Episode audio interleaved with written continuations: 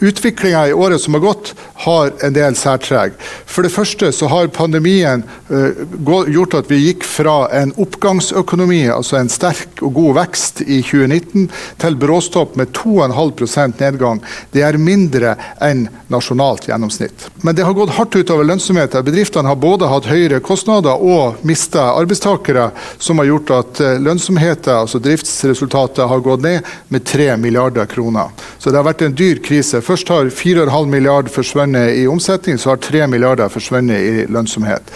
Og eksporten har også krympet, dog mye mindre enn vi forventa, med 1,1 milliard. Og det skyldes i hovedsak ikke volumfall, men prisfall og valutaeffekter ute i Europa. Og det er vi imponert over hvor raskt eksportørene har snudd seg rundt, både finne nye markeder og nye løsninger. Men så er det nå 5700 mennesker som enten er helt eller delvis ledige. Og arbeidsmarkedet har krympa for første gang på mange år med 1250 jobber som er blitt helt uh, borte. Og så er vi også i år blitt færre. Uh, vi er blitt 891 nordlendinger færre uh, enn i, i, året som gikk. Og for neste år så venter vi faktisk en vekst, altså, eller unnskyld, for neste år, for dette året. Men det betinger at vi kommer i rute med vår, med vår vaksineringsaktivitet i samfunnet, og at samfunnet kan gjenåpne.